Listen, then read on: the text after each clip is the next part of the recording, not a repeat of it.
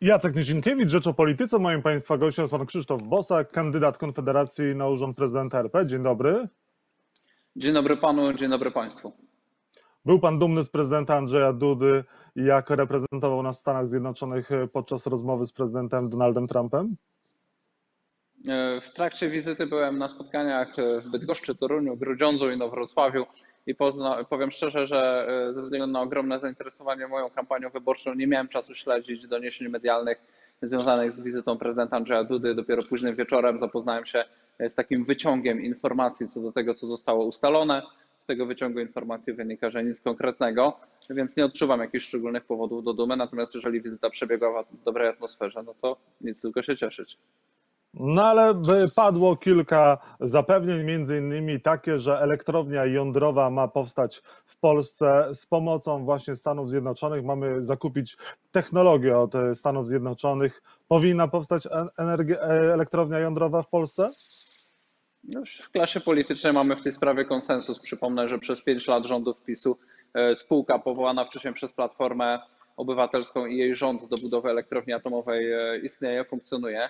E, członkowie zarządów zmieniający się pobierają wynagrodzenia rzędu kilkudziesięciu tysięcy złotych miesięcznie i nawet jeszcze nie wyznaczono miejsca, gdzie ta elektrownia atomowa ma powstać. Także jak na pięć lat rządów PiSu i pięć lat prezydentury Andrzeja Dudy i dobrych kontaktów z Amerykanami, postęp tej sprawy jest zerowy i ta deklaracja, którą mieliśmy, jest też niezwykle ogólna. Przypomnę, że kilka miesięcy e, temu mieliśmy już jakieś wstępne e, spotkania i takie memorandum dotyczące zainteresowania e, z jednym właśnie z amerykańsko-japońskich konsorcjów zajmujących się budową elektrowni atomowej i wśród ekspertów tamto właśnie memorandum zainteresowania w sprawie inwestycji wywołało dużo większe poruszenie i zainteresowanie niż ta wizyta prezydenta Andrzeja Dudy.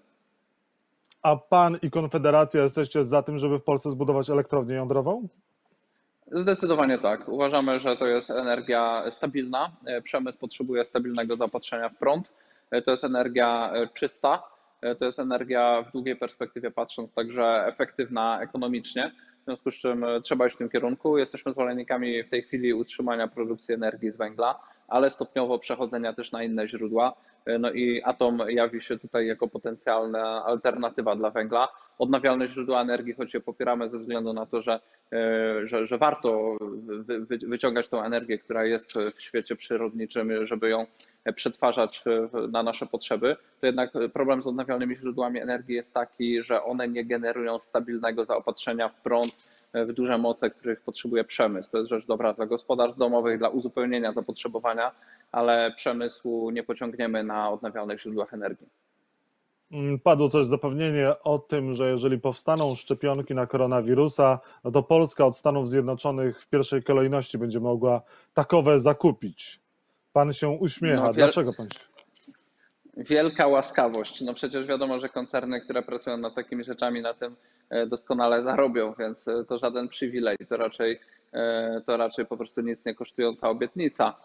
I trochę mnie to bawi, dlatego że już byliśmy wmanewrowywani w dyskusję o nieistniejącej szczepionce na debacie prezydenckiej, a teraz jeszcze wizyta prezydencka podbija bębenek dyskusji o nieistniejącej szczepionce, dyskusji, którą przypomnijmy rozpoczął minister Szumowski swoją arcy niefortunną wypowiedzią o tym, że będziemy nosić maseczki, aż wyszczepimy wszystkich Polaków.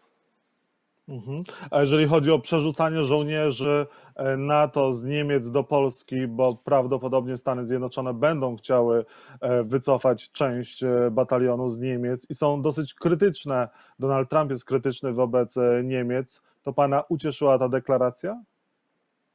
No, na razie to nie mamy w tej sprawie żadnych konkretów. Wszyscy spodziewali się po wizycie prezydenta Andrzeja Dudy w Białym Domu właśnie konkretów w tej sprawie i właśnie tych konkretów nie było. Pytanie, dlaczego ich nie było? Pytanie, co stoi za tym? E, wydaje się, że po prostu jakieś uzgodnienia dyplomatyczne, które za kulisami e, są dopinane przez ostatnie miesiące, po prostu zostały na ostatnim etapie wstrzymane. Moim zdaniem przyczyną tego może być brak konsensusu w amerykańskiej klasie politycznej.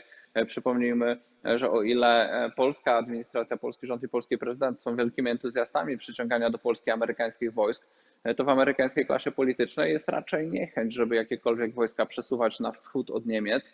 Jest to postrzegane jako niepotrzebne e, zadrażnianie z Rosją. E, jest to postrzegane jako niepotrzebne pozostawianie naszych chłopców, jak to się mówi w amerykańskiej debacie, poza granicami, zamiast robienia tego, co robił Trump. Przypomnę, że Trump wygrał swoją kadencję prezydencką na obietnicy powrotu naszych chłopców do domu, czyli żeby ściągać wojska do Ameryki, a nie rozlokowywać je po świecie.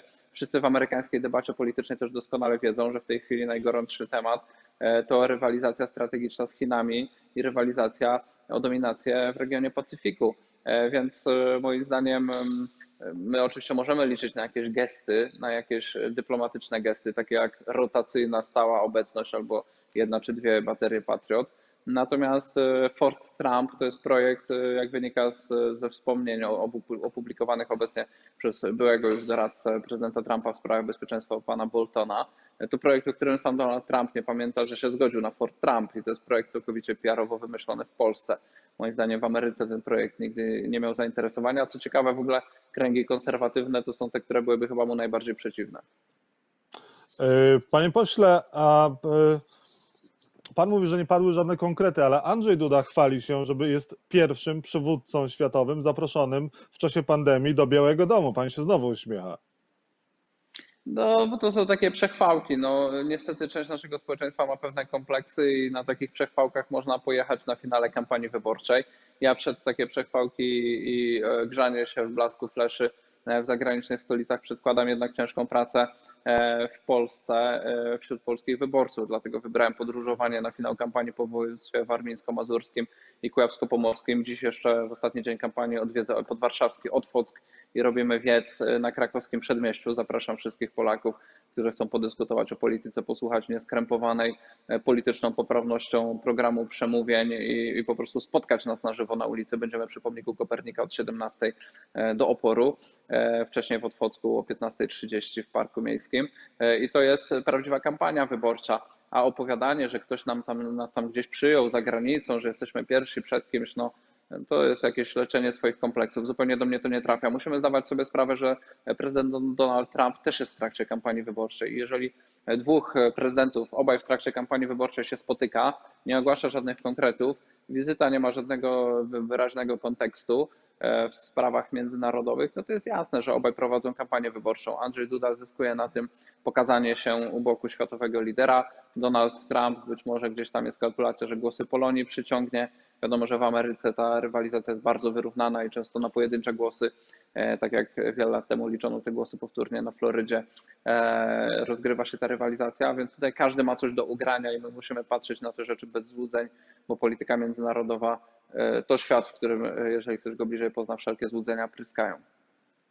Ale też prezydent Donald Trump e, powiedział, że ma nadzieję, że to Andrzej Duda wygra wybory prezydenckie w Polsce. Słusznie powinny padać takie słowa, takie deklaracje z ust przywódcy obcego mocarstwa?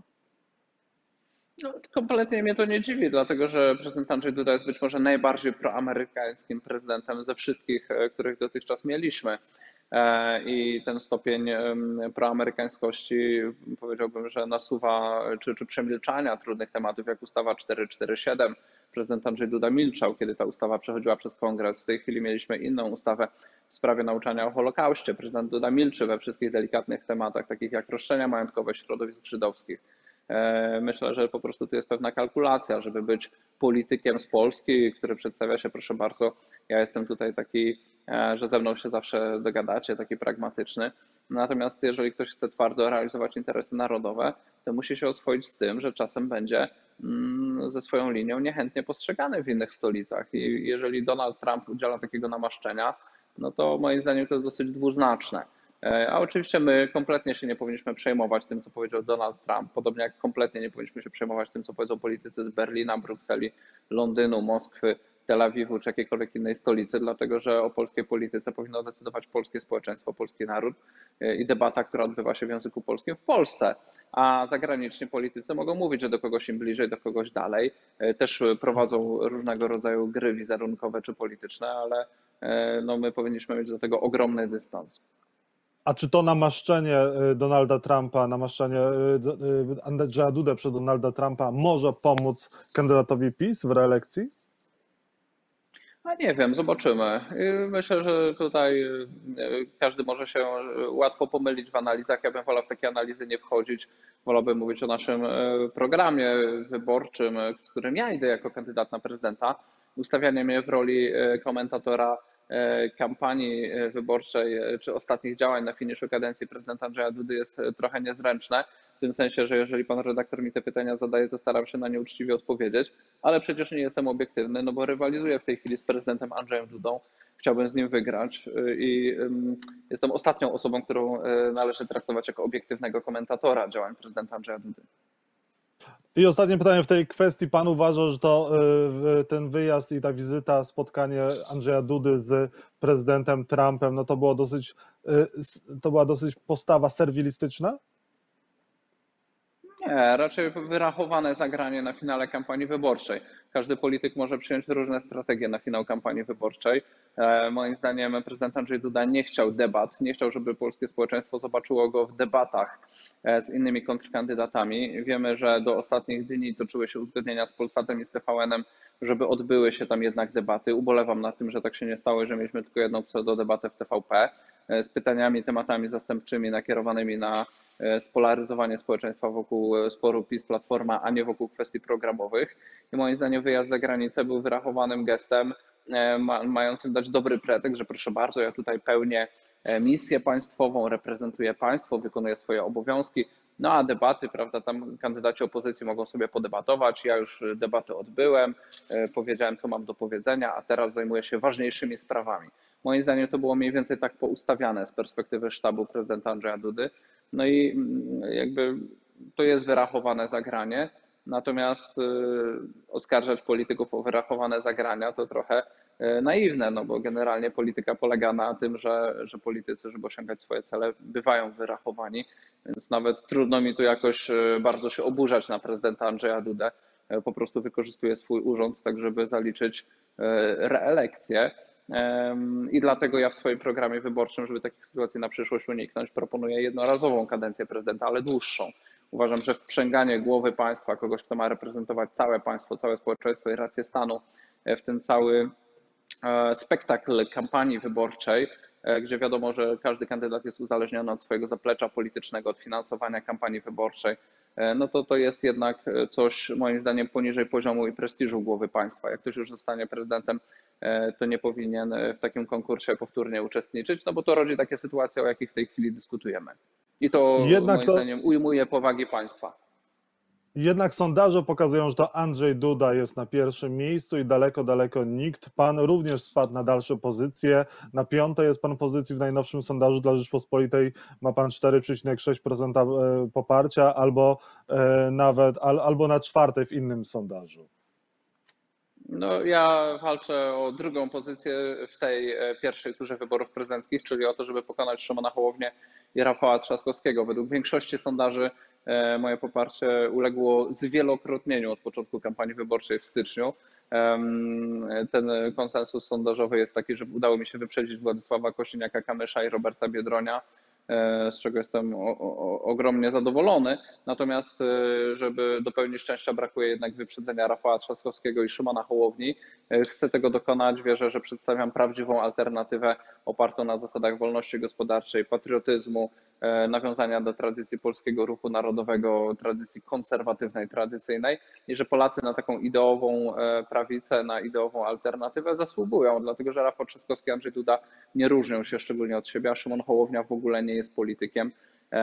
Gdyby się tak złożyło, czego nie wróżę, ale gdyby się tak złożyło, że wygrałby wybory prezydenckie, mam ogromne wątpliwości, e, czy poradziłby sobie w ogóle ze sprawowaniem urzędu. No właśnie, dlaczego pan byłby lepszym prezydentem od Andrzeja Dudy, od e, polityka prawicowego, konserwatywnego, za którym stoi e, silna partia, również o rodowodzie prawicowym, konserwatywnym? No nie przesadzajmy z tym konserwatyzmem. Konserwatywny polityk e, przedstawiłby konserwatywne projekty ustaw, a wetował lewicowe. E, prezydent Andrzej Duda nie wetował lewicowych projektów i nie przedstawił swoich konserwatywnych. Konserwatywny polityk, czy nawet centroprawicowy, tak jak Donald Trump, pojawiłby się na Marszu dla Życia i Rodziny. E, prezydent Andrzej Duda nigdy nie wybrał się na takie zgromadzenie. Konserwatywny polityk nie, nie spotykałby się, tak jak w ostatnich dniach prezydent Andrzej Duda z działaczami LGBT, szukając u nich akceptacji, której nie uzyskał. E, którzy go później zupełnie nieroztropne zagranie. Nie wiem, kto, kto prezydentowi to podpowiedział, ale popełnił gruby błąd. E, konserwatywny polityk broniłby jednoznacznie polskiej tradycji, zapalając na przykład świece adwentowe, a nie świece hanukowe. Więc moim zdaniem, jeżeli chodzi o prezydenta Andrzeja Dudy, to jest to polityk centrowy po prostu. Jest to polityk centrowy, wywodzący się z Unii Wolności, e, poprzedniczki Platformy Obywatelskiej, poprawny politycznie absolutnie w większości kwestii, delikatnie podkreślający swoje chrześcijaństwo Mm, ale też jakby nie, nie za bardzo, no bo gdyby chciał podkreślić bardziej, to mógł przecież przez pięć lat przedstawić projekt ustawy o pełnej ochronie życia nienarodzonego. Nigdy tego nie zrobił. Mówił tylko, że jak do niego na biurko trafi, to podpisze, a wiadomo było, że nie trafi, bo PiS takiego projektu uchwalić nie chce. Więc do tej presji oddolnej polskiego społeczeństwa, które przedstawiło kolejne projekty ustaw, prezydent Andrzej Duda do tej presji nigdy się nie przyłączył. I dlaczego ja byłbym lepszym prezydentem? Ponieważ ja nie wyznaję żadnych zasad poprawności politycznej. Jestem osobą, która od 20 lat głosi poglądy e, niezmienione, nie jestem osobą koniunkturalną. E, nie zmieniam partii politycznych zależnie od sondaży, nie zmieniam poglądów zależnie od sondaży. E, nie przejmuję się za bardzo tym, co powiedzą kręgi e, międzynarodowe na mój temat, tylko po prostu stoję po stronie Polski i Polaków i polskich interesów. I taki powinien być prezydent. A poza tym prezydent powinien być niezależny od obecnej partii rządzącej, ponieważ ta partia w swoim aroganckim stylu potrzebuje jakiegoś hamulca i takim hamulcem mógłby być prezydent, ale takim hamulcem nie będzie prezydent Andrzej Duda. Zgadza się pan z Grzegorzem Braunem, że precz z Żydokomuną? Mm, nie użyłbym takiego sformułowania w odniesieniu do bieżącego sporu politycznego. Moim zdaniem to jest e, sformułowanie przynależące do polskiej historii politycznej, do okresu powojennego, okresu stalinowskiego. A przeszkadzają panu, panu środowiska LGBT w Polsce? No, przeszkadza mi ich ekspansja nieskrępowana. E, osoby homoseksualne były, są i będą w społeczeństwie. Każdego należy traktować z szacunkiem e, i to jest nauka chrześcijańska. Żadnego człowieka nie należy upokarzać czy jakoś tam e, lżyć czy niesprawiedliwie traktować. To jest element cywilizowanych stosunków społecznych. Natomiast z drugiej strony, jeżeli są grupy, które na podstawie homoseksualności robią program ideologiczno-polityczny i próbują zmienić prawo, kulturę, język, e, instytucje, e, właściwie wszystko prawie, no to to jest program polityczny, bardzo jakby sprecyzowany. Można wejść na stronę Parady Równości i sobie ten program przeczytać, co oni chcą w Polsce osiągnąć. I uważam, że ten program jako społeczeństwo e, przywiązane do tradycji chrześcijańskiej, czy do prawa naturalnego, czy do zdrowego rozsądku i społeczeństwo, które chce przetrwać, reprezentując kulturę europejską, a nie jakąś jej postmodernistyczną karykaturę, takie społeczeństwo musi odsunąć E, te żądania środowiska LGBT, po prostu ich nie zrealizować. A uważa pan, że Muzeum w Oświęcimiu e, popularyzuje judeofilię? Muzeum w Oświęcimiu, ma Pan na myśli Muzeum Auschwitz, jak rozumiem, e, jest ośrodkiem, no, w którym dominuje poprawność polityczna, niewątpliwie. I oczywiście jest to centrum światowej Muzeum... pamięci o Holokauście więc, więc, więc oczywiście jest to wprzęgnięte w całą politykę pamięci związaną z II wojną światową, Holokaustem i wiadomo, że pamięć o Holokauście jest w tej chwili najistotniejszym wątkiem e, międzynarodowej polityki historycznej środowisk żydowskich, więc temat jest niezwykle delikatny. E, z polskiej strony panuje w tej kwestii e, delikatność zahaczająca o poprawność polityczną i, i defensywę. Nie podobają mi się niektóre zbyt daleko idące w kierunku poprawnym politycznie rzeczy, które tam się dzieją, takie jak zakaz noszenia polskich flag, takich jak to, że muzeum było zamknięte w 80. okrągłą rocznicę pierwszej wywózki polskich więźniów do Auschwitz, takich jak przemilczanie faktu, że Auschwitz y, pierwotnie było zbudowane dla Polaków, e, polskich obywateli e, i Polacy byli pierwszymi więźniami Auschwitz. Nikt na świecie o tym nie wie. Większość ludzi myśli, że Polacy, taka jest propaganda na poziomie międzynarodowym, ustawianie Polaków w roli współsprawców Holokaustu, a przecież byliśmy ofiarami terroru okupantów niemieckich. Trzeba o tym przypominać. Nie podoba mi się też, że na niektórych tablicach w Muzeum Auschwitz w odniesieniu do innych narodów, na przykład do narodu polskiego, używane jest określenie nie Żydzi, pisane przez myślnik. Tak jakbyśmy nie mieli swojej nazwy, nasz naród to Polacy, a nie nie Żydzi. A podobają się panu hasła na Marszu Niepodległości, takie jak na przykład Biała Siła? Podobają się panu okrzyki Polska dla Polaków? Nie zestawiałbym tych dwóch haseł obok siebie. Jeżeli pojawiają się hasła z podtekstem rasistowskim, to, to oczywiście się od nich odcinamy. E, była tam deklaracja w tej sprawie wydana w 2017, jeśli dobrze pamiętam, roku, porządkująca kwestię tego, co przynależy do polskiej idei narodowej, a co wykracza poza jej zakres. I zawsze przytrafią się jakieś grupki oszołomów czy ekstremistów, które przyjdą z jakimś banerem prowokacyjnym. Czasem to są ludzie, którzy robią to wręcz na złość po to, żeby się pokazać w mediach, narobić szumu, bo po prostu nie mają innego pomysłu na siebie. Natomiast ci, którzy prezentują banery z napisem Biała Siła, to są oszołomy? Ci, którzy prezentują e, wszelkiego rodzaju e, banery czy e, hasła z podtekstem rasistowskim, no to, to, to, to są ludzie. A biała siła to jest podtekst rasistowski? No w oczywisty sposób tak. W oczywisty sposób tak. I pan się No, sprzeciwia wiem, tego czy- typu hasłom. No to, to ja, jak ja, no przede wszystkim Stowarzyszenie Marsz Niepodległości, które jest organizatorem Marszu Niepodległości. Natomiast moim zdaniem to jest dyskusja, która odbyła się po Marszu Niepodległości w 2017 roku. W roku 18-19 e, nie było już takich haseł czy takich banerów. Ale moje pytanie to, zmierza do tego, zawsze był to całkowity prezydent- margines. Okej. Ale czy prezydent RP powinien uczestniczyć w Marszu Niepodległości? Pan mówi, że Andrzej Duda nie uczestniczył w Marszu Niepodległości, e, e, Marszu Rodziny, ale raz uczestniczył w Marszu Niepodległości. Czy prezydent Polski powinien e, uczestniczyć w Marszu Niepodległości i powinien mieć patronat nad tego typu e, No ja przypomnę, że ta, ta obecność prezydenta Andrzeja Dudy na Marszu Niepodległości odbyła się w bardzo dwuznacznej atmosferze, bo w atmosferze próby przejęcia Marszu Niepodległości przez rząd, gdzie organizatorzy byli poddawani niemalże siłowej presji ze strony rządu, dlatego że e, e, po prostu część pracy organizatorów sparaliżowano, próbowano przejąć e, cały teren marszu, czyli Aleję Jerozolimskie i plac e, przy rondzie Romana Dmowskiego. e, poprzez e, wykorzystanie przepisów o uroczystościach państwowych. To była bardzo nieczysta gra ze strony obozu rządzącego. Natomiast to wszystko na szczęście należy do przeszłości. E, Ja uważam, że prezydent może pojawiać się na różnych wydarzeniach mających e, charakter patriotyczny czy służących umacnianiu tradycji, umacnianiu rodziny. Natomiast zawsze powinno się to odbywać e, w uzgodnieniach z organizatorami co do formuły wydarzenia i co do charakteru takiej obecności. I czasem to wymaga długich i skomplikowanych rozmów, bo organizatorzy różnych wydarzeń mogą mieć inne cele niż sam prezydent. E, Prezydent reprezentuje całe państwo i całe społeczeństwo, i czasem niektóre wydarzenia mogą mieć charakter bardziej swobodny e, czy bardziej luźny, do którego jakby głowa państwa nie do końca musi pasować. Natomiast jeżeli ja bym został prezydentem i e, koledzy organizatorzy z, ze Stowarzyszenia Marsz Niepodległości zaprosiliby mnie jako głowę państwa i zagwarantowaliby, że będzie tam organizacja taka, że, e, że, że wszystko będzie jakby korekt, no to myślę, że dlaczego nie? Wielkie manifestacje patriotyczne powinny integrować naród i powinny umacniać patriotyczne postawy. Mm, Myślę, że w ogóle trzeba się cieszyć z tego, że udało się rozkręcić obchody Święta Niepodległości. Myślę, że dzięki temu, że Marsz Niepodległości przez ostatnie 10 lat szedł przez Warszawę, tak naprawdę dużo w Polsce się takich oddolnych i również samorządowych, państwowych obchodów rozkręciło. Trzeba się z tego cieszyć, że mamy taki renesans e, o, o okazywania uczuć patriotycznych, bo w świecie zachodnim mamy obalanie pomników, odrzucanie swojej tradycji, chowanie flag narodowych, oskarżenia o białą winę, o rasizm, o kolonializm. Mm, Świat zachodni już zapomina o swojej tożsamości, a my w Polsce o swojej tożsamości pamiętamy i to jest super, dlatego cieszę się, że jestem Polakiem, że się tu urodziłem i tu mieszkam.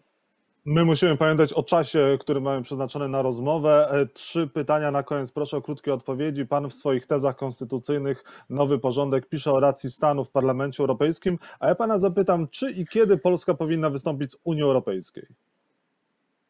Mm, Tylko w tej sytuacji, kiedy będzie większość polskiego społeczeństwa za tym, a to moim zdaniem może nastąpić e, w niezbyt bliskiej perspektywie, ponieważ jesteśmy jednym z najbardziej prounijnych społeczeństw. Ja zawsze należałem do eurosceptyków, byłem przeciwnikiem przystąpienia Polski do Unii Europejskiej. Uważam, że bez żadnych złudzeń zawsze patrzyłem na Brukselę, dlatego także dziś, kiedy jesteśmy w Unii Europejskiej, większość polskiego społeczeństwa chce, żeby pozostać, umiałbym bez żadnych skrupułów reprezentować polskie interesy w Unii Europejskiej, ponieważ nigdy nie szukałem akceptacji wśród eurokratów, w tych europejskich tam partiach politycznych. Znam ludzi, którzy pracują w Parlamencie Europejskim, w różnych frakcjach, znam europosłów, e, znam Radę Europy, bo w jej zgromadzeniu parlamentarnym przez dwa lata byłem członkiem. E, Wiem, że to są ludzie w większości pragmatyczni e, i to, że ja się wywodzę ze środowiska eurosceptycznego, moim zdaniem w żaden sposób mi jako prezydentowi nie utrudniłoby realizowania polskiej racji stanu. Przeciwnie, oni byliby zaskoczeni, że ktoś, kto nie był zwolennikiem Unii Europejskiej, potrafi z nimi normalnie rozmawiać i normalnie negocjować bez żadnych kompleksów. Jest pan za zlikwidacją ZUS-u i za emeryturami obywatelskimi. W takim razie co z wiekiem emerytalnym?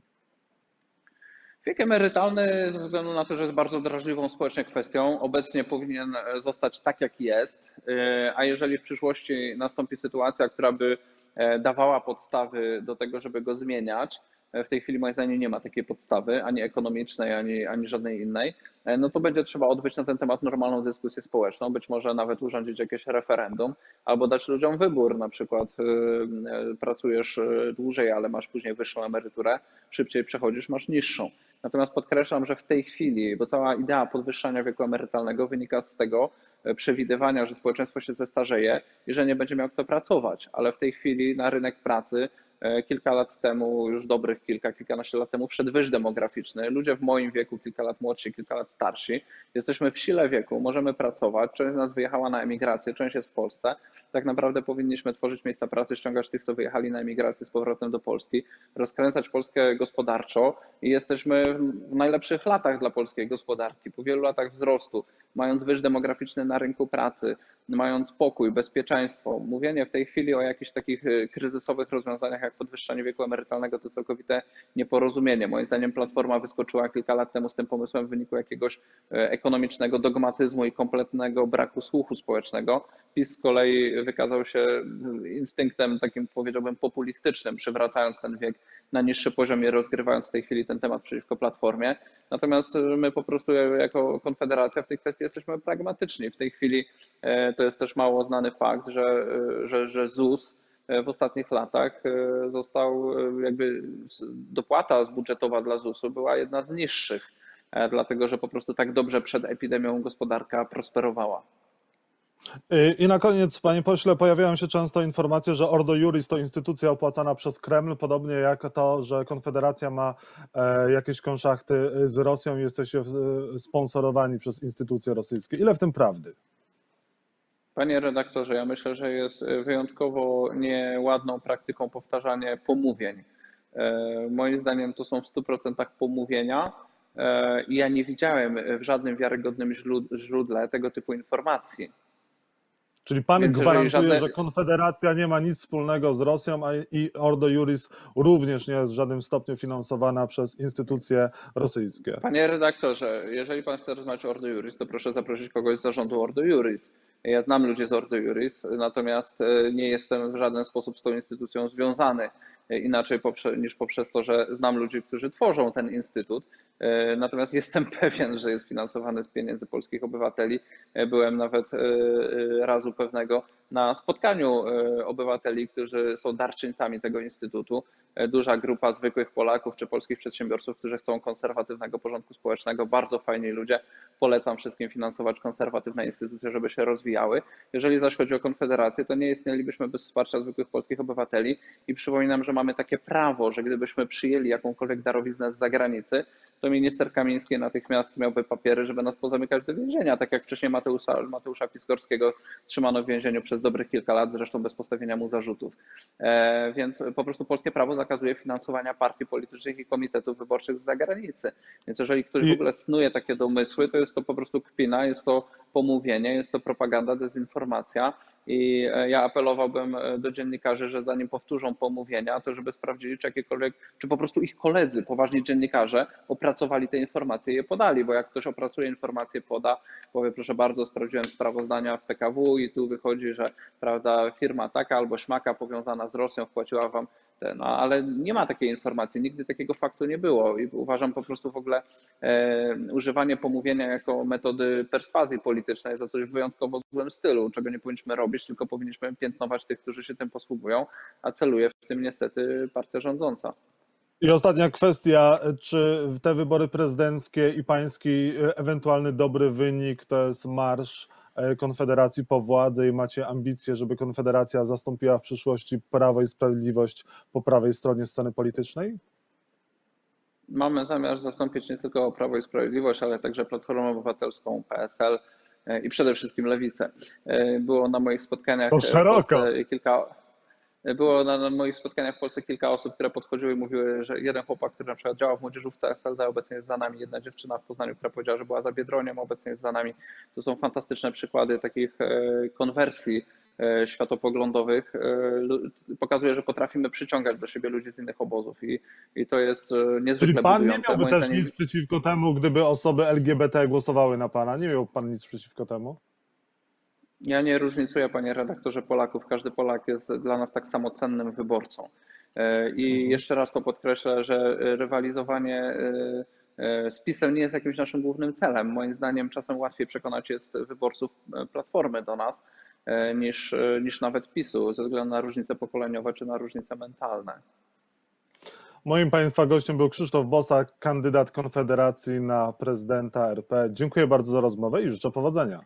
Dziękuję bardzo, panie redaktorze, i zapraszam do głosowania w niedzielę. Wszystkiego dobrego, do zobaczenia. Dziękuję.